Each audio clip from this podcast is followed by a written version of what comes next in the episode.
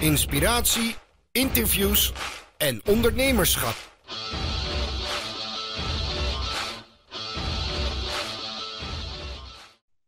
Hallo Martijn en welkom uh, in de show. En leuk dat je te gast wilde zijn uh, om over uh, met name social sales te gaan, te gaan praten. Um, kun je eventjes kort vertellen wie je bent en wat je doet? Ja, welkom Mark. Mijn naam is Martijn Rijk. Ik ben ondernemer bij Social Sales. Doe ik nu ruim zeven jaar alweer. Ehm, en ik heb van mijn passie mijn, mijn bedrijf gemaakt. En dat heeft alles te maken met sales en, ja, en online, CQ Social. Maar dat is natuurlijk wat we allemaal willen, van je passie je beroep maken. Wat, waarom is sales zo leuk? Wat, wat, wat doet dat voor jou? Uh, ik wist als klein kind altijd al dat ik in de sales wilde. Um, dat kwam doordat ik mensen zag die daarmee bezig waren. Ik vond het machtig om te zien. Maar daarnaast is het volgens mij het mooiste vak wat er bestaat. En ook een van de uh, vakken waar je gewoon continu iedere dag iets nieuws doet. Um, juist nu ik ondernemer ben, kom ik bij heel veel verschillende bedrijven, kom ik bij heel veel verschillende mensen. Je gaat een samenwerking aan, die is best intensief in een bepaalde tijd. Ja. Uh, en daarna heb je iets opgeleverd, of is, het iets, iets, is iets gelukt, of hebben mensen wat geleerd. En dan ga je verder. En het mooie is dat je elkaar daarna altijd wel weer opnieuw tegenkomt in een andere samenstelling. Dus het is de mix van de hoeveelheid mensen, uh, de, contacten die je hebt, tot uh, de kijkjes in de keuken die je bij verschillende organisaties hebt. En het uiteindelijk natuurlijk het belangrijkste, dat um, iets wat ik in de verkoop heb of in de aanbieding heb, dat dat Mhm. uiteindelijk lukt om dat bij de ander over te brengen. Ja. Hey, maar uh, je bedrijf heet Social Sales. Uh, wat, wat, maakt dat dan uh, so, social? Of wanneer is die mix daar? Want weet je, het, zijn heel, het is heel lang twee gescheiden werelden zijn het geweest. Op een gegeven moment zag je natuurlijk steeds vaker sales-gerelateerde integraties binnen Facebook en in Instagram heb je shopping en noem het allemaal op. Heb je het dan daarover of moet ik het in een andere hoek zoeken? Nou, de naam Social Sales is een, uh, officieel een handelsnaam van mijn bedrijf. Mijn bedrijf heet officieel martijnrijk.nl. Uh, maar goed, iedereen kent mij als Martijn Rijk, maar ik wilde ook wel een label eraan hebben hangen. En social staat bij mij niet voor social media aan zich. Het staat voor het sociale aspect. Uh, het leren kennen van de ander om uiteindelijk bij de tevredenheid iets te bereiken. En dat online daar een grote rol in speelt, ja, dat is heel duidelijk. En ja. dat snap ik, daar ga ik met je mee, dat dat de laatste jaren veel meer in elkaar is geschoven aan de verkoopkant en aan de, ja, aan de, aan de, aan de online de mogelijkhedenkant. Um, en um, ja, daar zijn heel veel verschillende dingen over te zeggen, van de toolingkant tot aan gedrag, tot aan uh, hoe benader je iemand, hoe, hoe vind je iemand, hoe zorg je ervoor dat informatie overgebracht wordt. Hmm. En dat hele spel, dat, dat komt volgens mij wel binnen, binnen mijn organisatie en de trainingen die ik geef, of de diensten die ik verzorg, samen bij mijn klanten. En wat zijn dan de grootste veranderingen als je kijkt van uh, toen je zeven jaar geleden begon uh, en wat je toen adviseerde en uh, hoe het er nu uitziet? de grootste verandering is dat ik niet meer iedere dag naar dezelfde kantoorplek ga. ja, dat, dat, merk je ook elke dag natuurlijk. ik zit nu thuis, hier zit je, ik zit in de eetkamer te werken, maar ik kom, van vanmorgen zat ik bij een klant en morgen heb ik weer drie afspraken in, in, in Brabant bijvoorbeeld. Uh, dus dat is een van de veranderingen. Um, in, in, feite, in, in, mijn werkzame leven is er weinig veranderd, omdat ik altijd al online uh, bezig was en de verschillende systemen en, en, platformen gebruikte om informatie te verzamelen over mijn doelgroep. Over wie wil ik benaderen, wie wil ik bereiken en wat leeft er dan in die markt. En toen ik startte met mijn bedrijf, startte ik ook niet zozeer met uh, verkoopadvies of online marketingadvies, maar ik, ik startte met het verkopen van een oplossing die dat mogelijk maakt. Uh, dat is bijvoorbeeld een van mijn software sales partners nu. Ja. Um, en dat is Obi Verwan bijvoorbeeld, uh, waar ik mee werk. Um, dus dus, dus uh, voor mij is er weinig veranderd. Het is alleen nu zo dat ik veel meer de bühne op mag gaan naar mijn klanten en, en ze uitleggen van oké, okay, hoe werk ik en hoe denk ik dat jullie sales ook zouden kunnen werken om uiteindelijk meer te bereiken. Maar hoe komen mensen nu bij jou terecht? Is dat wel anders dan 7, 8 jaar geleden? Ja, er zit meer, minder proactief uh, sales in. Minder mijn... proactief, oké. Okay, ja, minder. Um, het netwerk wat ik heb opgebouwd, daar mag ik heel blij om zijn en heel, uh, ben ik ook heel, heel enthousiast over. dat daar warme relaties in zitten. Mensen die heel enthousiast zijn over wat ik heb gedaan bij ze. Of Ja. wat ik doe. En die me volgen. En op basis daarvan zeggen, goh, je zou met Martijn moeten overleggen. Of Martijn, kun je eens een keer met die persoon in contact treden. Want dit en dit speelt er. Ja, Eh, dus dan ga je het veel meer hebben van, van ja, de aandacht van anderen eh, voor, op, eh, die, voor jou, omdat ze weten wat je doet, omdat ze weten wat je kunt en omdat ze weten wie je bent. Dus zij leggen dan die match alvast voor je, Mhm. omdat ze denken dat je dan heel goed past bij zo'n organisatie. En vaak gaat dat ook heel goed. Ja, dat is natuurlijk het mooie. Als je wat langer bezig bent, dan heb je ook eh, het netwerk opgebouwd. Eh, maar hoe, hoe, stel je begint nu en eh, je komt net uit de schoolbanken, hoe moet je dat dan aanpakken? Ehm, ja, wat ik dan zou doen, dan zou ik heel dicht aanplakken tegen iemand waarvan je denkt binnen die organisatie waar je te werk komt. Dat is een goeie, daar ga ik alles van leren. Ja, ja, precies.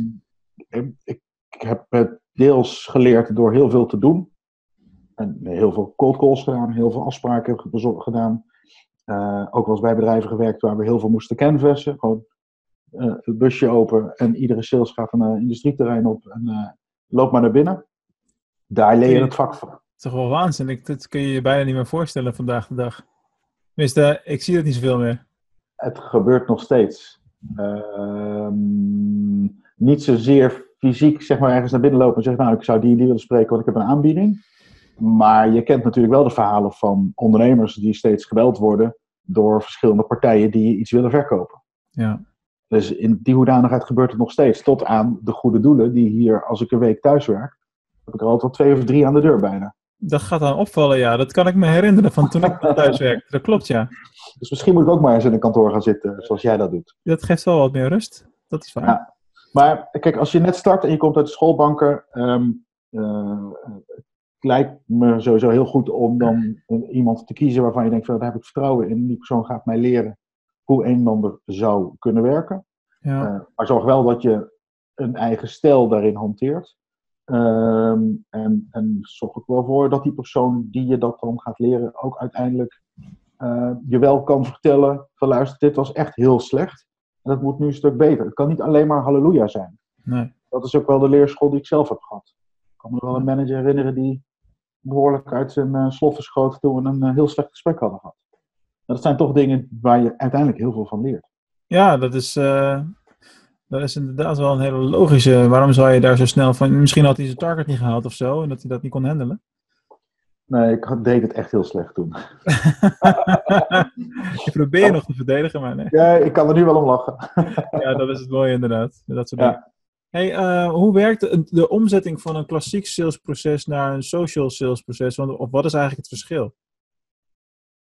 Ehm, ik, ehm, ik, ik vraag me af of in het salesproces er een hoop veranderd is op dat vlak. Hmm. Eh, je hebt nog steeds te maken met twee partijen waarschijnlijk, vaak. De een biedt iets aan en de ander heeft een behoefte. Mm, ehm, dus op dat vlak moeten mensen nog steeds bij elkaar komen. Eh, en moet er ook wel een match zijn en een klik. eh, en moet de behoefte worden, kunnen worden vervuld door degene die het aanbiedt. Ja. Tegen een ideale prijs, volgens mij. Ehm, het enige wat daadwerkelijk anders is, zijn twee zaken in mijn beleving. En dat is dat iedereen tegenwoordig de informatie heeft, maar dat er een verschil is in het niveau van kennis. Mhm. Dus ehm, met de komst van online en internet sinds, eh, wat was het, 5, 6, 97 ongeveer, ehm, is het mogelijk als je je weg weet dat je alles kunt vinden over een bepaald specifiek product of dienst. ja. En kun je daar ook wel tarivering van vinden, of de leverancier, of nou, verzin het maar. En toch doen mensen nog steeds zaken met mensen. En kan het best zijn dat een bepaald type product heel goed is voor je organisatie, maar kom je er alsnog niet uit, dan kies je een product dat misschien voor 80% goed is voor je organisatie. Omdat je een betere klik hebt met de organisatie erachter, of de prijs bevalt je beter, of de persoon in kwestie bevalt je beter. Waarom speelt dat nog steeds zo'n grote rol? Want ik kan niet ontkennen dat ook bij ons, wij zijn een online marketingbureau, maar ik denk dat zeker 50% van onze klanten komen gewoon let- letterlijk rechtstreeks uit mijn netwerk. Eh, we kennen elkaar, of eh, je zit in een mastermind, of je hebt dus een, weet je, mensen waar je mee optrekt, ondernemers, en er komt op enig moment een marketingvraagstuk en dan ben je iemand waar ze aan denken. Ja. Hoe kan dat? In 2019? Dat mensen nog steeds zaken doen met mensen. Ja, nee, niet zo, maar meer zo van, Oh. Hè, eh, je kijkt toch in de markt gewoon puur ook eh, naar wat er allemaal beschikbaar is en, de, en wat, waar de kwaliteit te vinden is. En er zijn hele Ja, verschillen. Met alle respect, iedere website die ik bezoek, die vertelt van zichzelf dat ze het beste doen. Ja, maar dat moet je natuurlijk sowieso nooit doen. Dan laat je anderen vertellen dat jij het beste doet. Zoals de verschillende boekingswebsites of de restaurant-recensiewebsites. Staan ook op mijn site staan er eh, aanbevelingen van andere mensen. Ja. Maar dan nog is het een reclamepraatje van wij van social sales zijn de beste in social business. Ja. Ehm, en het mooie is, denk ik, dat de helft van je klanten uit je netwerk komt, of dat de meeste aanvragen via via komen. Dat is omdat uiteindelijk ehm, het er niet toe doet welke verbinding je met iemand hebt. Wij kunnen een lijntje met elkaar hebben. Maar het belangrijkste is, wat stuur je over dat lijntje? Mhm. Ja, dus ehm, wat laat ik, eh, welke prikkels geef ik jou, zodat je aan me denkt? Welke informatie deel ik, zodat je mij voorbij ziet komen? Ja. Eh, wat doe ik met de mensen in mijn netwerk die heel belangrijk voor mij zijn? Daar doe ik andere dingen mee, met relatiegeschenken en, en cadeaus en dat soort dingen, dan de mensen die wat ver van me weg staan. Mhm. En ehm, dat is, eh, ik denk dat de relatie, juist in een tijd waar online, digitaal, techniek eh, common sense is, dat je daar juist het verschil maakt. Als iedereen eh, zo fantastisch online marketeer zou kunnen zijn, zoals jullie dat doen. eh, of, Zegt hij zonder ooit met ons gewerkt te hebben, maar echt verkoperd. Verkopertje uit Rotterdam, heel goed. Ja, dat wou ik Ehm, ehm, nee, maar als, als, als, als, als we alle websites moeten geloven en al het marketingmateriaal moeten geloven, dan hadden we al lang geen sales meer nodig. Hmm. En als ik de vacatures bekijk in het NRC of in een willekeurige jobboard of op LinkedIn, Hmm. en ik zie hoe vaak een recruiter mijn profiel bekijkt, dan zijn er nog steeds een hoop salesvacatures. Ja. Heb je daar persoonlijk last van, dat je wordt benaderd door recruiters? Nee, ik vind dat mensen mij benaderen eigenlijk nooit een probleem. Maar dat is persoonlijk.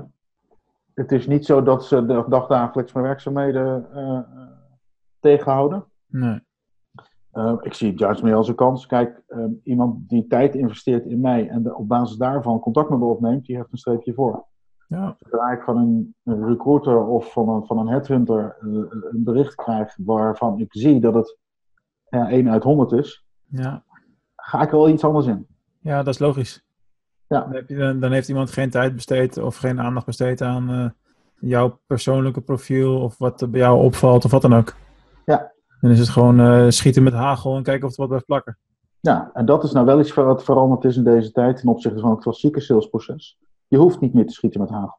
Precies. Nou, mooi bruggetje naar de volgende vraag. Wat is de toegevoegde waarde van de LinkedIn Sales Navigator?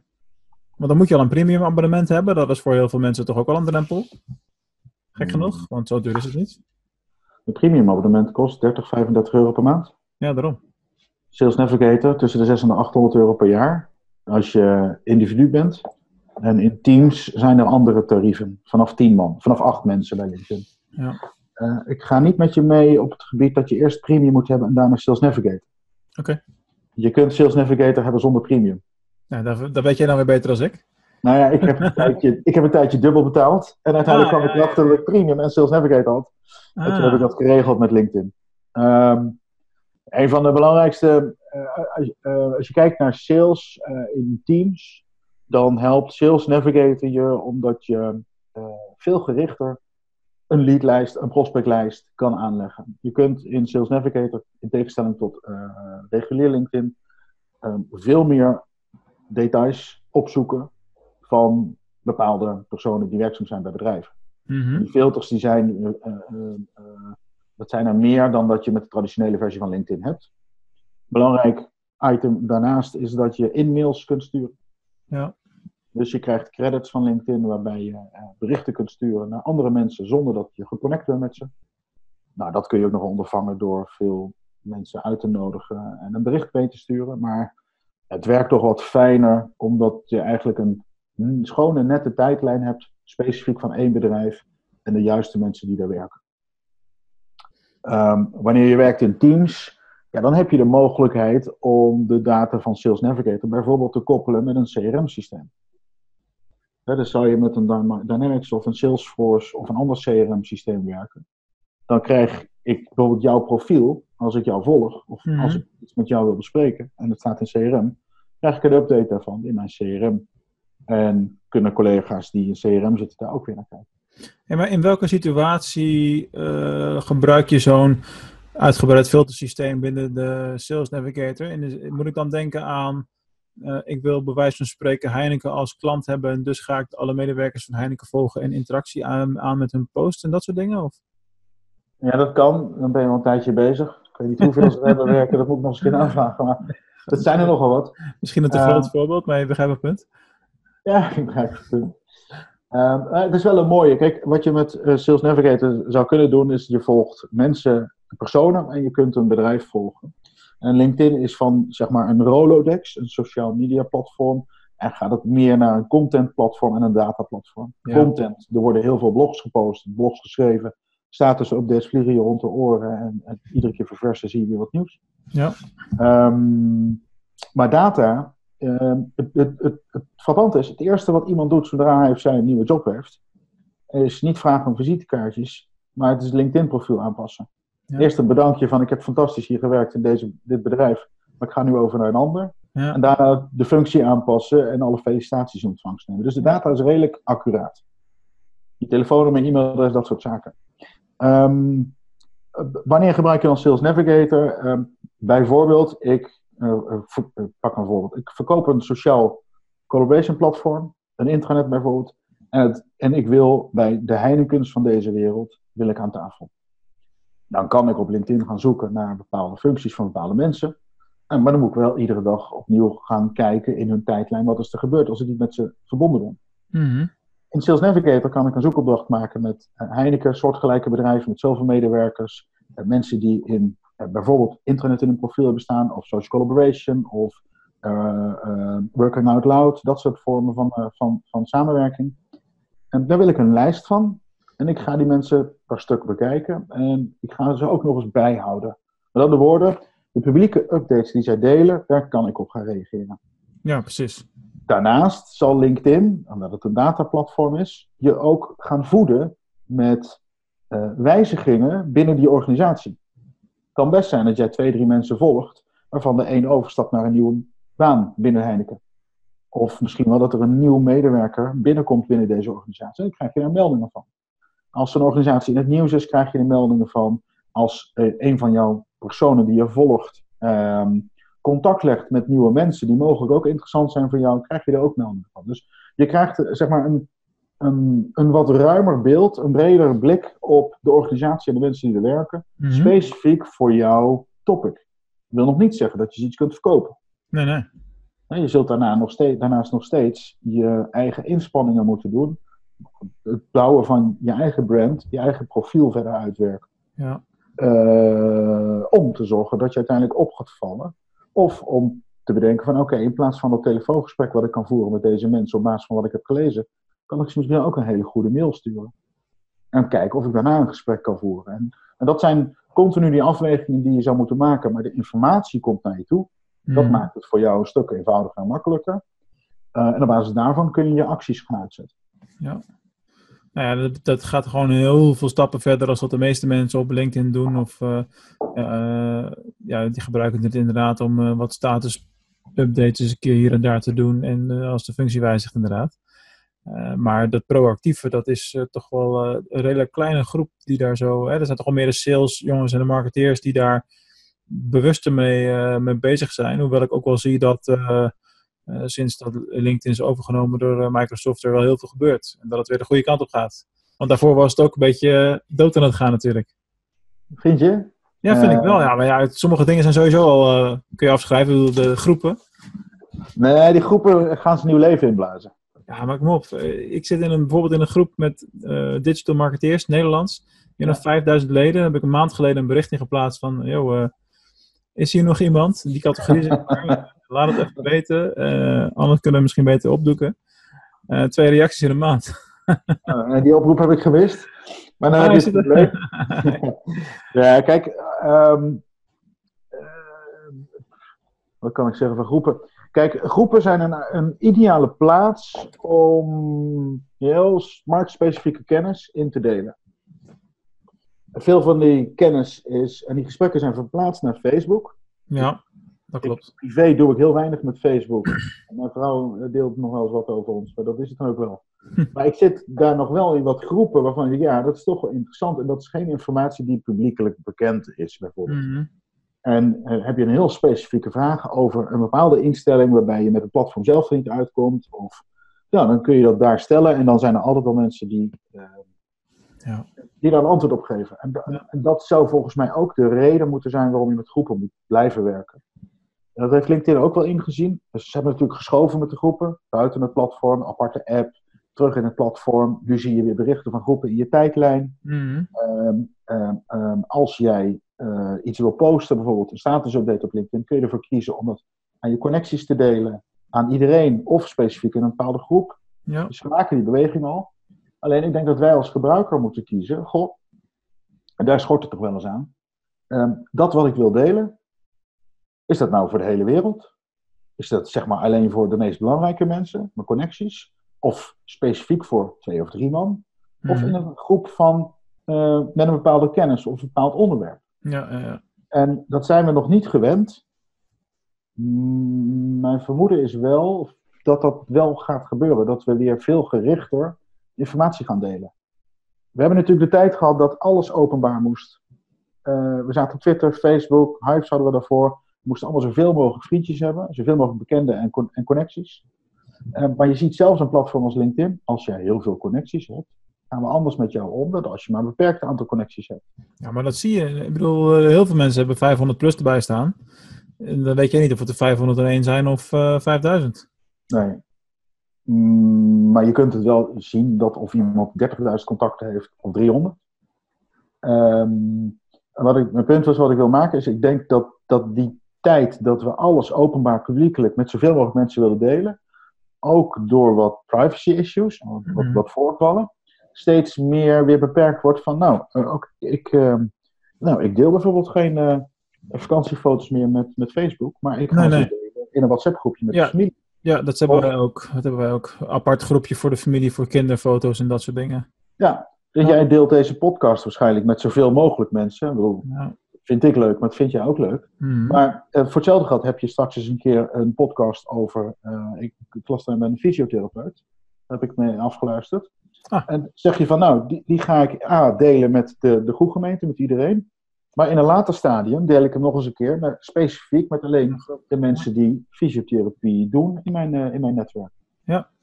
Ja. En zo komt je informatie waarschijnlijk beter over dan dat je het met duizend mensen deelt. En dan heb ik liever dat 15 of 20 mensen die in die doelgroep zitten, Mhm. dat die het heel gericht kunnen horen. Ja, maar dat, dat is ook wel inherent aan hoe. eh, kijk, ik heb een podcast over ondernemerschap en marketing. Online marketing komt het meest terug.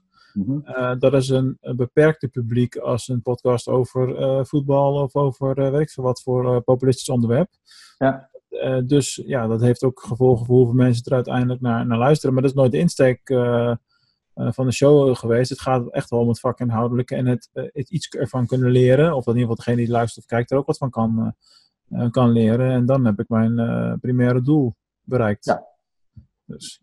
ja, en uiteindelijk gaat het er wel ook denk ik wel om dat er maar mensen zijn die heel gericht naar die podcast luisteren. En uiteindelijk denken, oké, okay, dit was waardevol voor mij. Hier heb ik iets aan gehad. Zie het maar als een vorm van conversie. Ja, ja daar komt het op neer. Ja. ja. je noemde net al uh, Obi for One, dus ik verwacht dat je uh, daar wat over uh, zegt bij de vraag wat, uh, welke software maken de processen in jouw vak makkelijker? Ja, um, nou ja, sowieso natuurlijk de partners waarmee ik samenwerk. Maar de belangrijkste software die mijn werk, of de tooling die mijn werk makkelijker maakt, zijn, is een combinatie van het CRM wat ik gebruik, met mijn, uh, heel overduidelijk, mijn mobiel. Gek of niet, maar dankzij social sales, dankzij social selling of social business, hoe je het wil noemen. Um, ik ben veel meer gaan bellen. Ja, omdat het makkelijk, omdat je het veel beter kan inrichten en redelijk strak kan plannen, alle data paraat hebt, dat soort dingen. Uh, dat strak plannen, dat zat er altijd wel in. Wat dat betreft werk ik een beetje als een advocaat. Um, heel goed voorbereiden en daarna voldoende argumenten hebben. Um, maar nee, uh, meer dat um, doordat mensen al een blik hebben geworpen op je profiel, doordat ze weten wie je bent, doordat ze je al een tijdje volgen, En is de stap naar het telefoongesprek, Ja, oké. het bellen met elkaar, is veel makkelijker. Dat is waar. En natuurlijk zijn er wat tools die me helpen om, eh, eh, om, eh, om het eenvoudig te maken. Een voorbeeldje, ik heb een appje op mijn telefoon, of appje, een app, dat is Hello Scotty. Dat is een tool die het mogelijk maakt dat als jij mij belt, maar ik kan niet opnemen, want wij zitten in een meeting, Ja. dan stuurt Scotty jou een sms'je. Hallo, ik ken dit nummer niet, wie ben je? En dan vraagt Scotty, nou oké, dan zegt hij, ik ben Mark. Nou, hallo Mark, wat kan ik voor je doen? En dan, zo gaat Scotty verder. Gaaf. een stukje kunstmatige intelligentie eh, achter, waarbij ze tot zelfs een afspraak in mijn agenda inplannen. Ah. Met onderwerpen al en een terugbelverzoek. En dan bellen we elkaar op. En dan hebben we gelijk. Volledig geautomatiseerd. Kijk, als we zover zijn. Hè? volledig geautomatiseerd. Mooi. Ehm, Heb je dan niet wel eens dat iemand jou belt die jij wel kent en dat hij dan beledigd is van hé, wat is dit nou? Of eh, waarom staat dat nummer niet in je telefoon? eh, nee, dat nog niet. Ik heb wel gehad dat iemand die mij regelmatig belt zegt van Martijn, kan Scotty uit bij mij? Want ja, ik word een beetje gek van die sms'jes. Ja, ja, ja, ja. Eh, daar hebben we een eh, oplossing, daar hebben, hebben ze bij Scotty eh, een oplossing voor gevonden. Uitsluitlijst of zoiets. Ja, dus mijn vrouw en wat andere mensen die mij vaker bellen, die krijgen een apart bericht van, we hebben je oproep gezien, je wordt gebeld. Leuk. Ehm, maar dus, dus de stap, doordat je elkaar, je hebt elkaar al gezien, je hebt al wat gelezen van elkaar, maakt het makkelijker om te bellen. Ja, en is- mensen accepteren dat ook. Ehm, dus mijn CRM, mijn mobiel, eh, uiteraard LinkedIn, Mhm. dat zijn hele belangrijke, hele belangrijke tools. En daarnaast werk ik veelvuldig met een tool als OB1 op het gebied van luisteren van, op online en social media kanalen en het berichten kunnen beantwoorden. Ehm, ik werk met Salesfeed samen, waarbij we Ja. bedrijven kunnen herkennen die mijn site bezoeken of de sites van onze klanten. Eh, waarbij we, eh, en dat is wel een interessante, ehm, met dynamische content kunnen gaan werken. Dus jij komt op mijn website de eerste keer, ik herken je, god, dat is Mark. Jouw Mhm. bedrijf herken ik dan. Ehm, daarna kom je nog een keer en dan, dan ziet mijn site er ineens heel anders uit. Dan staat er niet, je hebt meer in je, we helpen je succesvol te zijn in social business. Nee, dan staat er, wat leuk dat je er weer bent. Hoe kunnen we je vandaag helpen? Of je werkt in, eh, eh, in, de financiële, in de financiële wereld en op basis van een specifieke code die jouw organisatie meegeeft, toon ik je eigenlijk alleen maar financiële referentiecases. Ja, ja, ja. En dat doet Salesfeed. Eh, en daarnaast werk ik met Salesflare voor CRM. En daar ben ik zo tevreden mee. Dat, gaat, dat heeft mij zoveel tijd eh geschild. Dat, dat ik daar heel veel leuke dingen mee heb kunnen doen. Wat is Salesflare? Salesflare is een CRM uit Gent. En er komen wel meer goede oplossingen uit Gent, uit België. Eh, Teamleader? Dat gebruiken wij bijvoorbeeld. Ja, Teamleader komt er, PySync komt er vandaan. Ehm, nou ja, dat soort zaken. Ehm, wat Salesflare geniaal doet, is eigenlijk een systeem heeft bouwen rondom de sales. En wat heeft de sales nodig? Ehm, klant- en bedrijfsgegevens, eh, een funnel en eigenlijk ook een klein stukje online marketing. Mhm. Met andere woorden, eh, jij komt voor het eerst in mijn inbox, mijn mailbox. Op basis van jouw zakelijke domein kan ik je met een klik toevoegen aan mijn eh, CRM. Omdat we dan al een paar keer gemaild hebben, dan staat je e-mailadres er ook in. En kijk, Salesforce, welke data is nog meer publiekelijk beschikbaar? Zou jij een collega hebben die met mij mailt, dan wordt die collega automatisch aan je bedrijf toegevoegd. Tot zover de data entry, wat ze heel makkelijk mogelijk hebben gemaakt. Daarnaast zit een eh, mogelijkheid in om te meten of jij mijn mails opent en of je klikt en wat je dan doet op mijn website. Nou, dat zou je ook met andere tooling kunnen doen, hè, zoals eh SalesWings bijvoorbeeld, Hmm. of, een, eh, of een online marketing platform. Ja, maar het, het, het is vaak los. Dat is wat mij dan opvalt. Want jij noemt nu eigenlijk dingen waarbij ik denk, ja, herken ik. Eh, met Teamleader heb ik ook een tool die, als ik op één knop druk, dan voeg ik die persoon toe aan de contacten binnen Teamleader en wordt de Ja. historie bijgehouden. Maar eh, het, het niveau van klik op de website, ja, daarvoor moet ik eigenlijk kijken eh naar aanleiding van een mailing in Active Campaign, hoe, wie er dan geweest is, ja. dat soort dingen. Maar dat, dat krijg je dan niet aan elkaar geknopt natuurlijk. Eh, nee, dat krijg je alleen aan elkaar geknoopt als je bijvoorbeeld met een platform als eh, Databox werkt en je gaat een dashboard combineren met verschillende data sources. Ja, ja, ja. Dat kan. Eh, eh, ik werk heel veel met data. Omdat ik vind dat, dat het makkelijk maakt eh, om mijn netwerk te activeren uiteindelijk. En dus vandaar dat je dan dat soort dashboards gaat maken. Maar Ja. juist Salesforce heeft ervoor gekozen om dat allemaal te integreren. Leuk. En ehm, ik gebruik aan de ene kant nog Mailchimp, maar ik merk dat ik steeds meer mailcampagnes stuur vanuit mijn CRM. Dat zit er ook in. En de toekomst is dat ik dan een mailcampagne stuur naar bijvoorbeeld 20 trainees van een LinkedIn-training. Mhm. En daar een automatische follow-up mail van maak.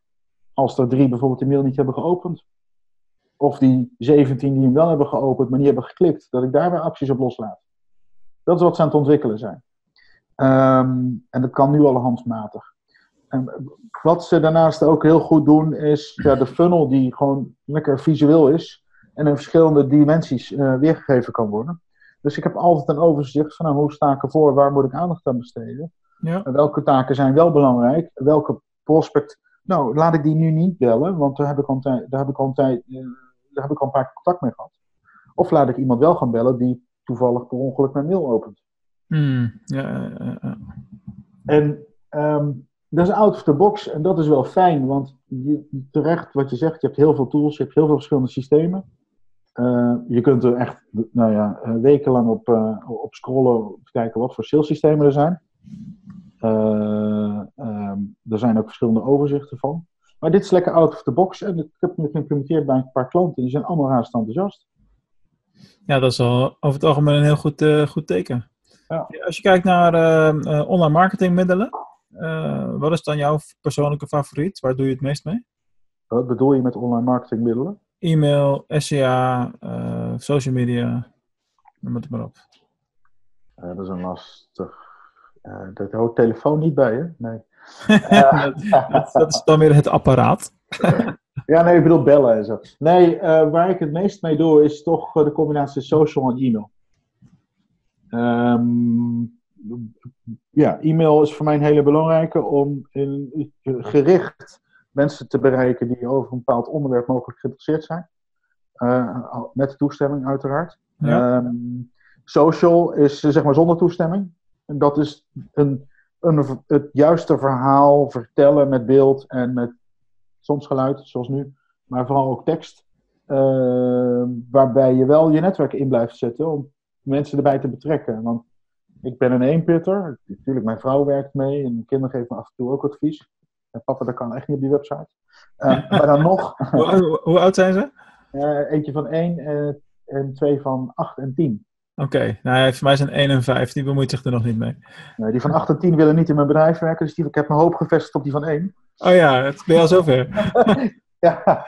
Leuk, leuk, leuk. Uh, maar je zult dus toch slim om moeten gaan met je netwerk en, Ja. en met, met de beschikbare hoeveelheid data. Uh, en dat is ook wel wat ik het DNA-model van social sales noem. Uh, je hebt enorm veel data beschikbaar. En data kan zijn bezoek uh, op je website, en analytics bijvoorbeeld, of kliks Ja. op, je, op je nieuwsbrief. Maar data kan ook zijn, wat gebeurt er in mijn tijdlijn? En op basis daarvan kun je dan schakelen om je netwerk te activeren, te bewegen, mee te nemen. Dat gebeurt regelmatig. Een, een pingetje daar, een belletje naar die, een e-mailtje naar die van goh, kun je me helpen, kun je wat meer vertellen? Toch nog meer informatie verzamelen. Om uiteindelijk de juiste aandacht te kunnen besteden aan je klant, je prospect en, Ja. uh, en je relatie.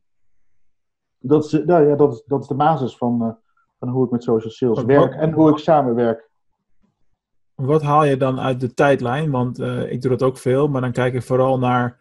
Eh, kijk, ik, ik probeer altijd bij LinkedIn en Facebook door mijn tijdlijn te gaan op de manier met de vraag: wat, wat kom ik tegen waar ik een bijdrage aan kan leveren wat die persoon dan helpt? Dat is eigenlijk hoe ik ernaar kijk, maar hoe, hoe kijk jij door een tijdlijn heen? Wat, wat pik je daaruit? Uh, het ligt aan het moment en met welk doel ik door de tijdlijn heen kijk. Ja. ik heb tien minuten voor een afspraak en heb ik hem voorbereid, dan scroll ik een beetje achterloos door de tijdlijn heen om te zien wat is de laatste nieuws. Ja, ja, ja. Dan like ik hier en daar eens wat. Zie ik iets waarvan ik denk van nou, daar weet ik iets van of daar ken ik iemand die er iets van weet. Dan zal ik die persoon noemen. Uh, dat gebeurt regelmatig. Maar ben ik bezig met bijvoorbeeld een grote bierbrouwer waar ik een sociaal intranet wil uh, uh, implementeren en ik wil daar graag naar binnen, ja, dan kijk ik anders naar de tijdlijn. ja.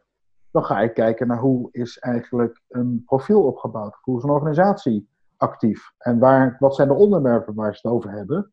En dan bepaal ik voor mezelf, oké, dit zijn onderwerpen die, waar zij het over hebben, dit zijn onderwerpen die de persoon raakt, dit zijn de mensen waar we het mee te maken hebben. Het is allemaal geen wiskundige analyse, Nee. Ehm, maar het is wel voor mij eh, input, eh, voeding, om ook te bepalen van nou, misschien moet ik mijn content eh, niet zo schrijven, maar moet ik deze woorden erin toevoegen.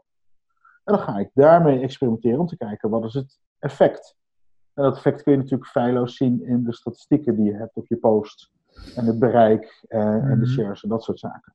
Ja, zeker. En meer dan kijk je op van een andere manier naar de tijdlijn. Sorry. Nee, gek. Nee, dat, dat is gewoon wat het is. Eh, meer, meer doen van wat werkt en wat niet werkt. eh, jammer. En, en weer iets nieuws proberen. Totdat je, eh, daarmee kun je continu blijven opschalen. En blijven optimaliseren. Ja, dat is wel het mooie. Ehm, dat is ook wel wat ik tegen trainees zeg. eh, of wat advies wat ik geef. Is, je hoeft, eh, natuurlijk, je moet een stip op de horizon bepalen. Over een half jaar willen we daar staan. Eh, en dat gaan we doen door en dan een paar, paar tussenpaaltjes slaan. Maar het mooie is wel dat die tussenpaaltjes, ja, dat hoeven geen maanden te zijn. Je kunt dat op wekelijkse basis bekijken, of op tweewekelijkse basis. Dan heb je iets meer, iets meer ruimte. Er zijn ook nog andere zaken waar je rekening moet houden binnen die organisatie. Ehm, dus je kunt het redelijk kort cyclisch, op Ja. een, eh, iteratief benaderen. Oké, dit is wat we willen bereiken op lange termijn. Nou, dat betekent dat we deze stappen moeten gaan zetten. Dat betekent dat we het zo moeten aanvliegen. Wie hebben we daarvoor nodig? Wat budget hebben we daarvoor? Oké, en welke doelstellingen stellen we ons nou tussentijds? Ja. En lukt het die eerste twee weken niet, geen man overboord. Dan heb je volgens mij een hoop van geleerd. En met die learnings ga je weer verder. En dan ga je door. En dan kun je de volgende twee weken kun je het weer beter oppakken. Dat, is, dat moet wel uiteindelijk ook een, een van de redenen zijn om het zo te doen. Je moet wel willen, willen leren. Als je niet meer wil leren, dan eh, houdt volgens mij al- alles wel, eh, wel een beetje op. Maar goed, dat is meer de manier waarop ik naar het leven kijk. Hey, we, gaan, eh, we gaan naar de laatste vraag alweer. De vraag die ik al bijna vier jaar aan iedereen stel. Als je content hebt geluisterd, dan zou je hem al moeten kennen. Martijn, wat zou jij doen met duizend pingpongballen? Daar kun je natuurlijk een heleboel dingen van zeggen. Duizend pingpongballen. Ik zou iets kunnen zeggen. Mijn vrouw zei, jij moet iets zeggen over het milieu. Het is natuurlijk niet zo goed voor het milieu. Het blijft lang en zo. ja, Een dat, hele goede, hele goede zijn dan de- insteek. dat is dan de plastic variant, ja. nee, duizend pingpongballen. Ik zou eigenlijk eh, de kinderen hier rond de tafel zitten. En eh, met z'n vijven, met ons gezin, dus gaan bedenken: oké, we hebben duizend pingpongballen. Welke spelletjes kunnen we daarmee bedenken? Ehm, en dan, als we die spelletjes hebben bedacht, gaan we die uitwerken. Gewoon grote vellen papier, eh, van die eh, sticky whiteboard eh, flip-over papier. Die gaan we uitwerken en eh, en laten kinderen doen. En dan gaan we met, met z'n vijf of met een paar klanten erbij, dat kan ook nog wel, dat is leuk naar het Sophia Kinderziekenhuis in Rotterdam. En daar gaan we op de afdeling, mits we toestemming hebben, gaan we die spellen spelen. Met al die pingpongballen. En uiteraard zit daar één spel bij waarbij we die pingpongballen gaan inkleuren. En gezichtjes maken, en tekeningetjes, dat soort dingen. En daar gaan we dan een kunstwerk van maken. En dat laten we dan achter. Jij hebt het echt goed voorbereid. Ja, ik heb gelukkig veel inspiratie. Dus dat is ook wel fijn. eh, hier is over Ja. nagedacht. Heel leuk, Martijn. Uh, dankjewel. Uh, fijn dat je even tijd wilde maken voor, uh, voor dit vraaggesprek. En uh, heb je nog iets tot slot wat je mee wil geven aan, aan een kijker of luisteraar? Of waar kunnen we jou vinden? Waar je me kunt vinden is voornamelijk op Google. Typ daar in Martijn Rijk of Social Sales, dan kun je me vinden. Uh, wat ik mee wil geven is dat we ondanks, uh, nee, met alle kansen van techniek, met alle digitale en al het online, ga ik, ehm, wil ik toch meegeven dat je vooral jezelf en menselijk moet blijven. Ja. Ik, um, helaas zie je dat dat soms uh, nog te ver van ons afstaat. En het zou juist weer mooi zijn als we uh, ook op die vlakken vaker dichter bij elkaar kunnen komen. En zo is het. Martijn, dankjewel. Jij bedankt. Uh, iedereen weer bedankt voor het kijken of luisteren. Tot de volgende keer.